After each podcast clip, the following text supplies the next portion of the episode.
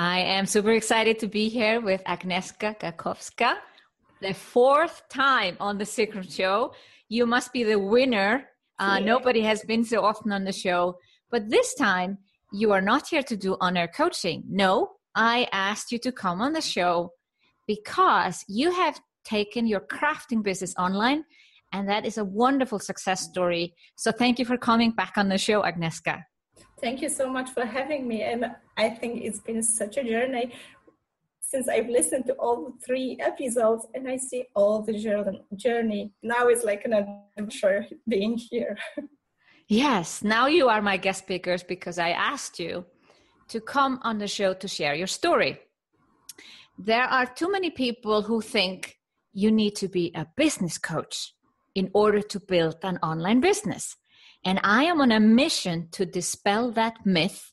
And I've actually been interviewing several other people on the show uh, in the recent days that also are not a business coach and have a successful online business. But your business is a little bit different. And that's why I was so curious to find out more and share this with my audience. Um, so, give us a little bit of a background what were you doing before you started your online business journey? What is your background education and and then we can go into talking about your passion that you took online. Of course. Well my whole adult life professional life i dreamed about being an architect and i became one and i worked as an architect and slash interior designer my whole life.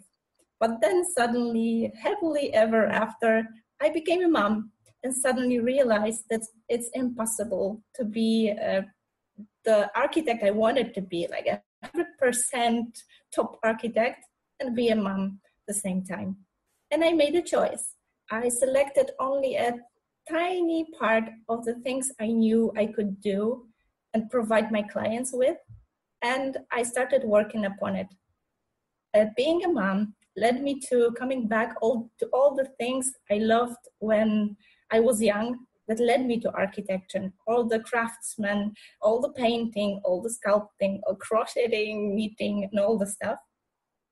And that was the moment I realized that I really want to join the passion into my life and become a role model for my kids. Mm. Yeah, but that was not enough to build a business. I got stuck in a place where I know what I want to do, but suddenly clients don't line up to join the forces to keep me going and pay my bills. And that was the moment we actually meet, met. And that was the moment when I took that business online and suddenly magic happened. wow. So basically, your reason is that you uh, wanted to be a, a, home for your kids and yeah. your uh, profession. Well, I, I, I know it also. There's one of the reasons, you know, I also have an architecture background and the reason I want to study architecture was also I saw myself as one of those top architects, yeah. these famous architects. So I can I can totally see that that once you realize that you possibly cannot be that for whatever reason, uh, that uh, you start to look at something else in your life, and that's what you did. But I know you were looking at all this craft things. Why crocheting? Why is crocheting the one that you felt most passionate about? Um, I guess that was a kind of an accident, I guess, because crocheting is like one among the others that I did with my grandma and my mom. And it always was something in my mind that everybody does that. Everybody knows that. Everybody does it at home with their grannies. And uh, suddenly, when I became a mom, that was a tool for me as a mom and an architect to uh, redesign the, the room for my kids so I uh, started crocheting poofs and carpets uh, with the aid of uh, uh, cotton wools. Yeah, and that was so creative. So somehow I felt that even though I'm not working, in a way, I am a designer. I'm interior designing, and I'm. I was like giving away all the passion to my job without working, mm. and that that's why that became such a tool because all my friends when they came to visit me they saw the things i did and they became clients and they started telling others and somehow it happened. Yes somehow it happened. It, it just happened. I also painted i also sculpted but those were not those useful things that you buy when you're uh, a homestead mom. Yeah that that was the choice by the market not by me. Okay so yeah so it's more like you were doing something and you felt resonance in, in the questions people are asking like how do you do that? Can i learn that from you? So in the beginning you obviously started offline. Can you describe a little bit your offline business or how it was before you went online uh, actually, it also happened by accident because I started uh, inviting my friends uh, that spent the whole day in front of their computer working uh, as an architect or interior designers just to come up and chat. And I was like eager to talk to people uh, about something else than gluten free dinners for kids. So we were having some kind of energy exchange. So they were getting these crochet lessons outside of the computer, offline, slow life, fancy things that are in fashion now. And I was getting this unity, this sense that I'm again with the people, not at home and, you know, washing dishes all the time. And suddenly, after, I don't know, one year or one and a half, I wake up at this position where my husband getting back from work was shushing in the other room with kids and me with the wine and with the crochet stuff with the friends and the friends of their friends and friends of their friends whom I didn't know at my home. And one day he he actually set up my business. He said, "Okay, you have to take it outside the house." to some cafes or restaurant, wherever, but not in the house. So actually, he started the business. So I set up a simple web page. I guess that was a Facebook business page, just to set up meetings, and that's how it started. And there were so many people coming and coming and coming that suddenly I realized that I have to charge for that because all I did was giving kids to my husband, getting out of house, getting coffee, uh, cakes, and crocheting and you know getting nothing out of it and that was the moment i realized it could become a business and suddenly realized that not everybody can crush it. they want to learn that yeah that's a skill wow so you start to do like meetups so would you then do your workshops so what happened next okay this was kind of an organic and i love that you described that process because i think a lot of business owners especially in the crafts and arts go through a similar uh, yeah. path until you realize you start to charge for it. Uh, but then when you started to charge, did you then have evening workshops or weekend workshops or how did you uh, move on? And how did you advertise the workshop? Was it still all organic or did you start to run Facebook ads? Uh, yeah, the, those were the times that it happened totally organic. So Facebook was totally different then. So uh, it turned out that um, I didn't charge, but one day, yeah, I, I realized that people bring me chocolate, coffee, uh, things that they, they want to pay somehow, but I don't have the, the price. Yeah. So I started experimenting with the price. So it was really low price. And then when I just couldn't keep up, there were so many people coming and wanting me on the weekend in different cities, not only in Poznan. I realized, yeah, I have to uh, charge higher so that I could have some free time. And that was actually the moment that I had to make a decision whether I go back to architecture that pays the bills or I can like play business mom uh, crocheting. And that was the moment um, I charged more and there were not so many people coming. But actually, that was the moment I started experimenting, getting know how to maybe make it more professional, what I'm lacking uh, because I knew that popularity is the basics, but I didn't know how to get it. Mm-hmm. that was the moment I started looking for somebody who could teach me. Yeah. Yeah. And then you took it online. And uh, I remember when we uh, met each other first, and you were like, can I take this business online? And I gave you some ideas. So you were able to take it online. And I think there's a lot of people who think like, no, no, no, no if we have to sit in front of the sewing machine or have the things in our hand, the crochets in our hands, you can't take that online. Please describe how you have been able to take their crocheting business online. Yeah, the, the first idea about taking it online was uh, yeah, I will create a course for all those people who want to come to join my workshops, but they cannot come because it's too far, the, the, the, the date is wrong. And yeah, that was the aim of the course actually. But then I realized that the people who bought the course when there was this first launch there were people who actually joined my uh, on, uh, offline workshops So there was like this need for having some more, for having it stored in one place, for having it ordered.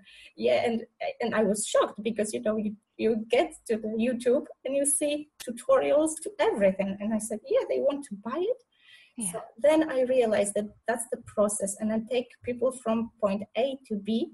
Plus, I give them this this wholehearted energy and the sense of community. Uh, magic happens in the groups uh, for a crochet online course. There were some even some women who shared their stories about her cancer and things like yeah I still have goosebumps when I think about it. So that was this strong sense of community because people not only joined those uh, videos but also did something with their hands and they could like boast about the success. So that was like uh, this. Um, proof of their success because when you have this uh, coaching uh, journey you have it like somehow in your mind and when you finished our course you suddenly have this uh, handmade stuff in your hand so it was like the proof that you can make it and yeah. there was again this this proof that uh, yeah if you can do that why can't you do this and that and that and there were another levels so now I have people who started the course with me and they're so independent that they actually sell their things and they are way further in their skills that, than I am. So that's the best reward for the course. That is the best reward when we see someone being successful and even more successful than ourselves. Yeah. Wow, that is really a sign of you being a good teacher and coach. So how do you teach it? You say yes, you've built a community, and I totally get that. It becomes more like a sisterhood, and it's the crocheting is just a means to get people together, but you build something much bigger, bigger that helps women have self confidence and create something with their hands, and maybe being even more happier in their lives. But do you?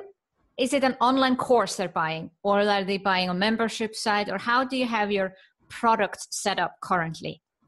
So for now, uh, it all started with one course, but uh, by doing that, uh, I made the best proof that you can do business with uh, with things like that. And yeah, I have to admit that the price is really low, so I have to have a lot of courses just to you know pay the bill, bills. Yeah.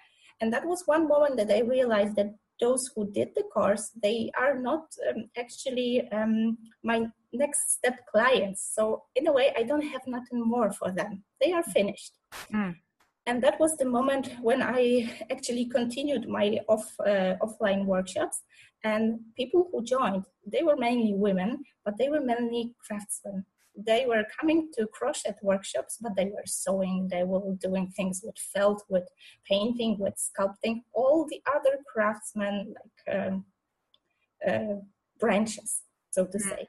Yeah. And there was this one moment when actually we had this on our coaching and i was thinking about masterminding with them.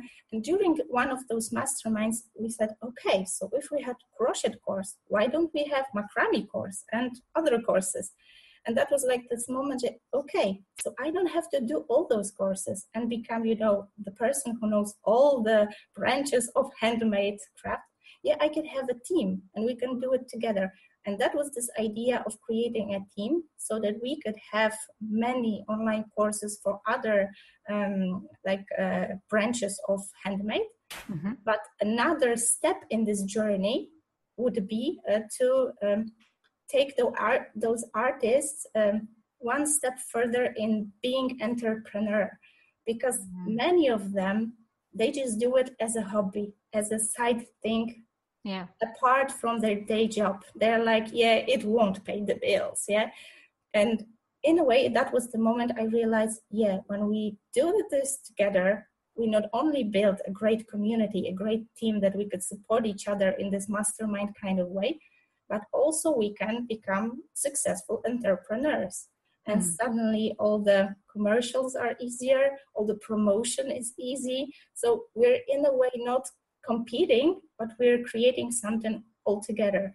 And now, like, I'm in the process of um, experimenting with this thing, but I already see that we all together we became some kind of um, maybe not coaches, but people who could could teach how to do business, but like business uh, with the craftsmen, with handmade stuff, because it's not only creating things that you could sell, as I thought at beginning that I would buy them to decorate houses as an architect, Mm-hmm. There are so many ways, not only online. It could be teaching, it could be creating a craft, it could be teaching how to create that and exchanging knowledge.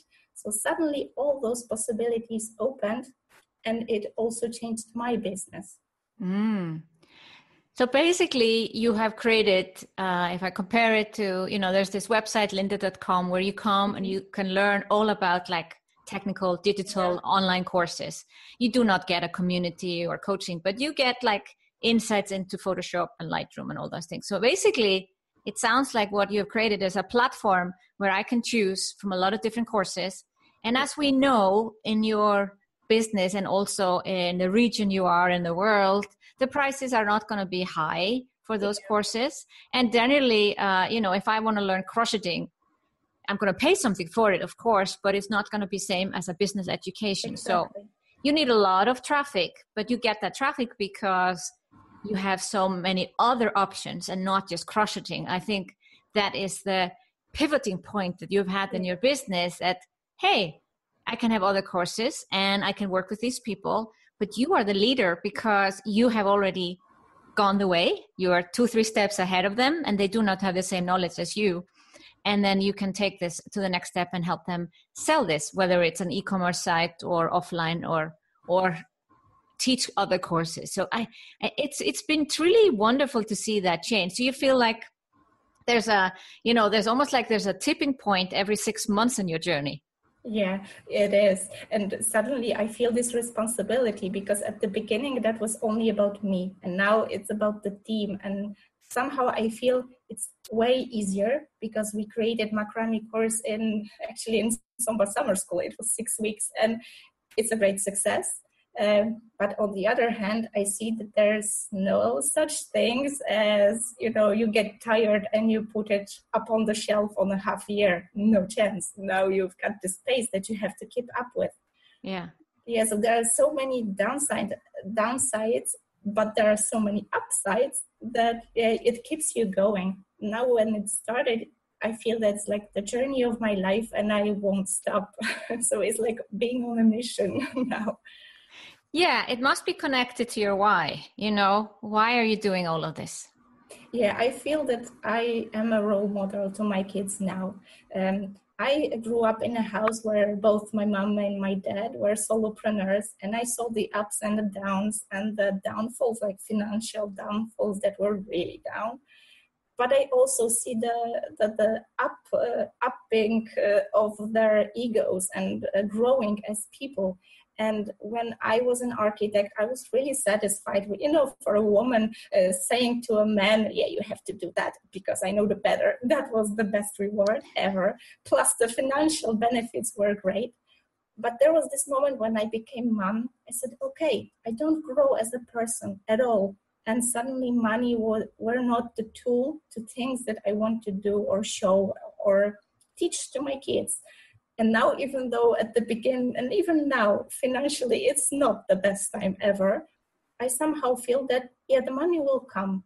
And if don't, I'm so happy. And I see that I make such an such a statement by what I do that is not important. Suddenly, I, I could uh, afford for things like charity or doing some really big designs because, you know, crocheting and all the craftsmen, yeah, that's a tool for meeting people, kids, people who are handicapped. And it, there are many platforms to uh, work with those people. These are not uh, really advanced tools.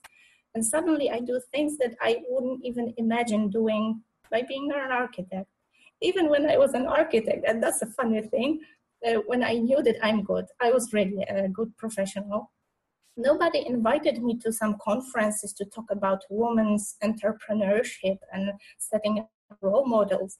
And now, when I'm a lady who crochets and people know me online as the one architect that crochets and loves that, yeah, I'm invited to some big events when where I speak and inspire women to being entrepreneurial, about taking their their dreams in their hands and grabbing it and, and having guts to do something about it that i feel that that's the right path. So that's like the strong why that i feel that it will be enough for all the downsides of this business yeah i love that you are also not sugarcoating it. You're not saying all is good and this is dance on roses. You you are speaking to the truth that entrepreneurship is a roller coaster ride. I say always it's the biggest personal development journey you go on. Yes, it is. And and you know it takes time to figure everything out. Uh, it business building a business takes time, and you'll figure it out. Your motivation is so strong, and I I can see it. We see you on the video. You are so happy.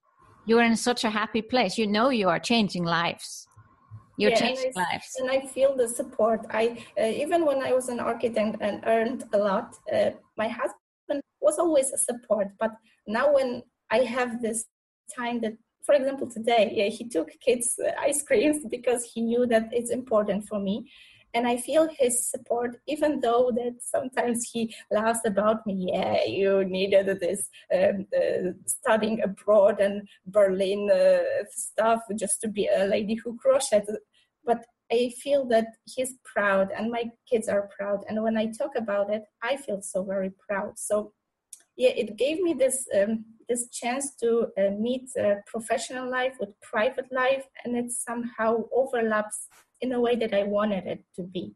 Yeah. Not like you know having this day job and then you're off and you're at home and you're a different person somehow somehow even the times where uh, yeah everybody relaxes during christmas and i'm just thinking about the next launch because uh, yeah that's that's okay with them because they feel it's important and i feel really happy about it yeah so it gave a lot of energy to family as well yeah we can feel your energy and you describe in your family we can feel their energy too so it, it's been really wonderful to watch your journey, Agnieszka. It's uh, you know, taking something, having the courage to take something online where most people say that doesn't work, and then figuring out a completely new business model that wasn't even in your mind before, uh, and you just organically have figured this out and your next stage will be to uh, you know make this super successful also financially but it's just every step of the way and i know you'll get there because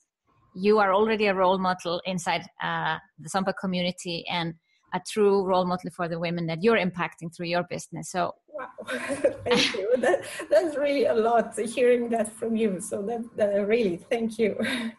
Well, I thank you for coming on the show and sharing your story, Agnieszka. Uh, I know this interview will also inspire a lot of women who uh, possibly do not yet believe in themselves. Yet.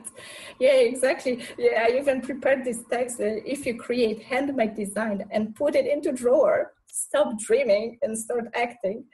So i dare you to follow the lead and if i could do it then you can do it yeah i'm not really professional about craftsmanship and i did it right so you can do it so if you're there listening to that yeah you have to take it, grab it, and own it. And you have to make business with your passion.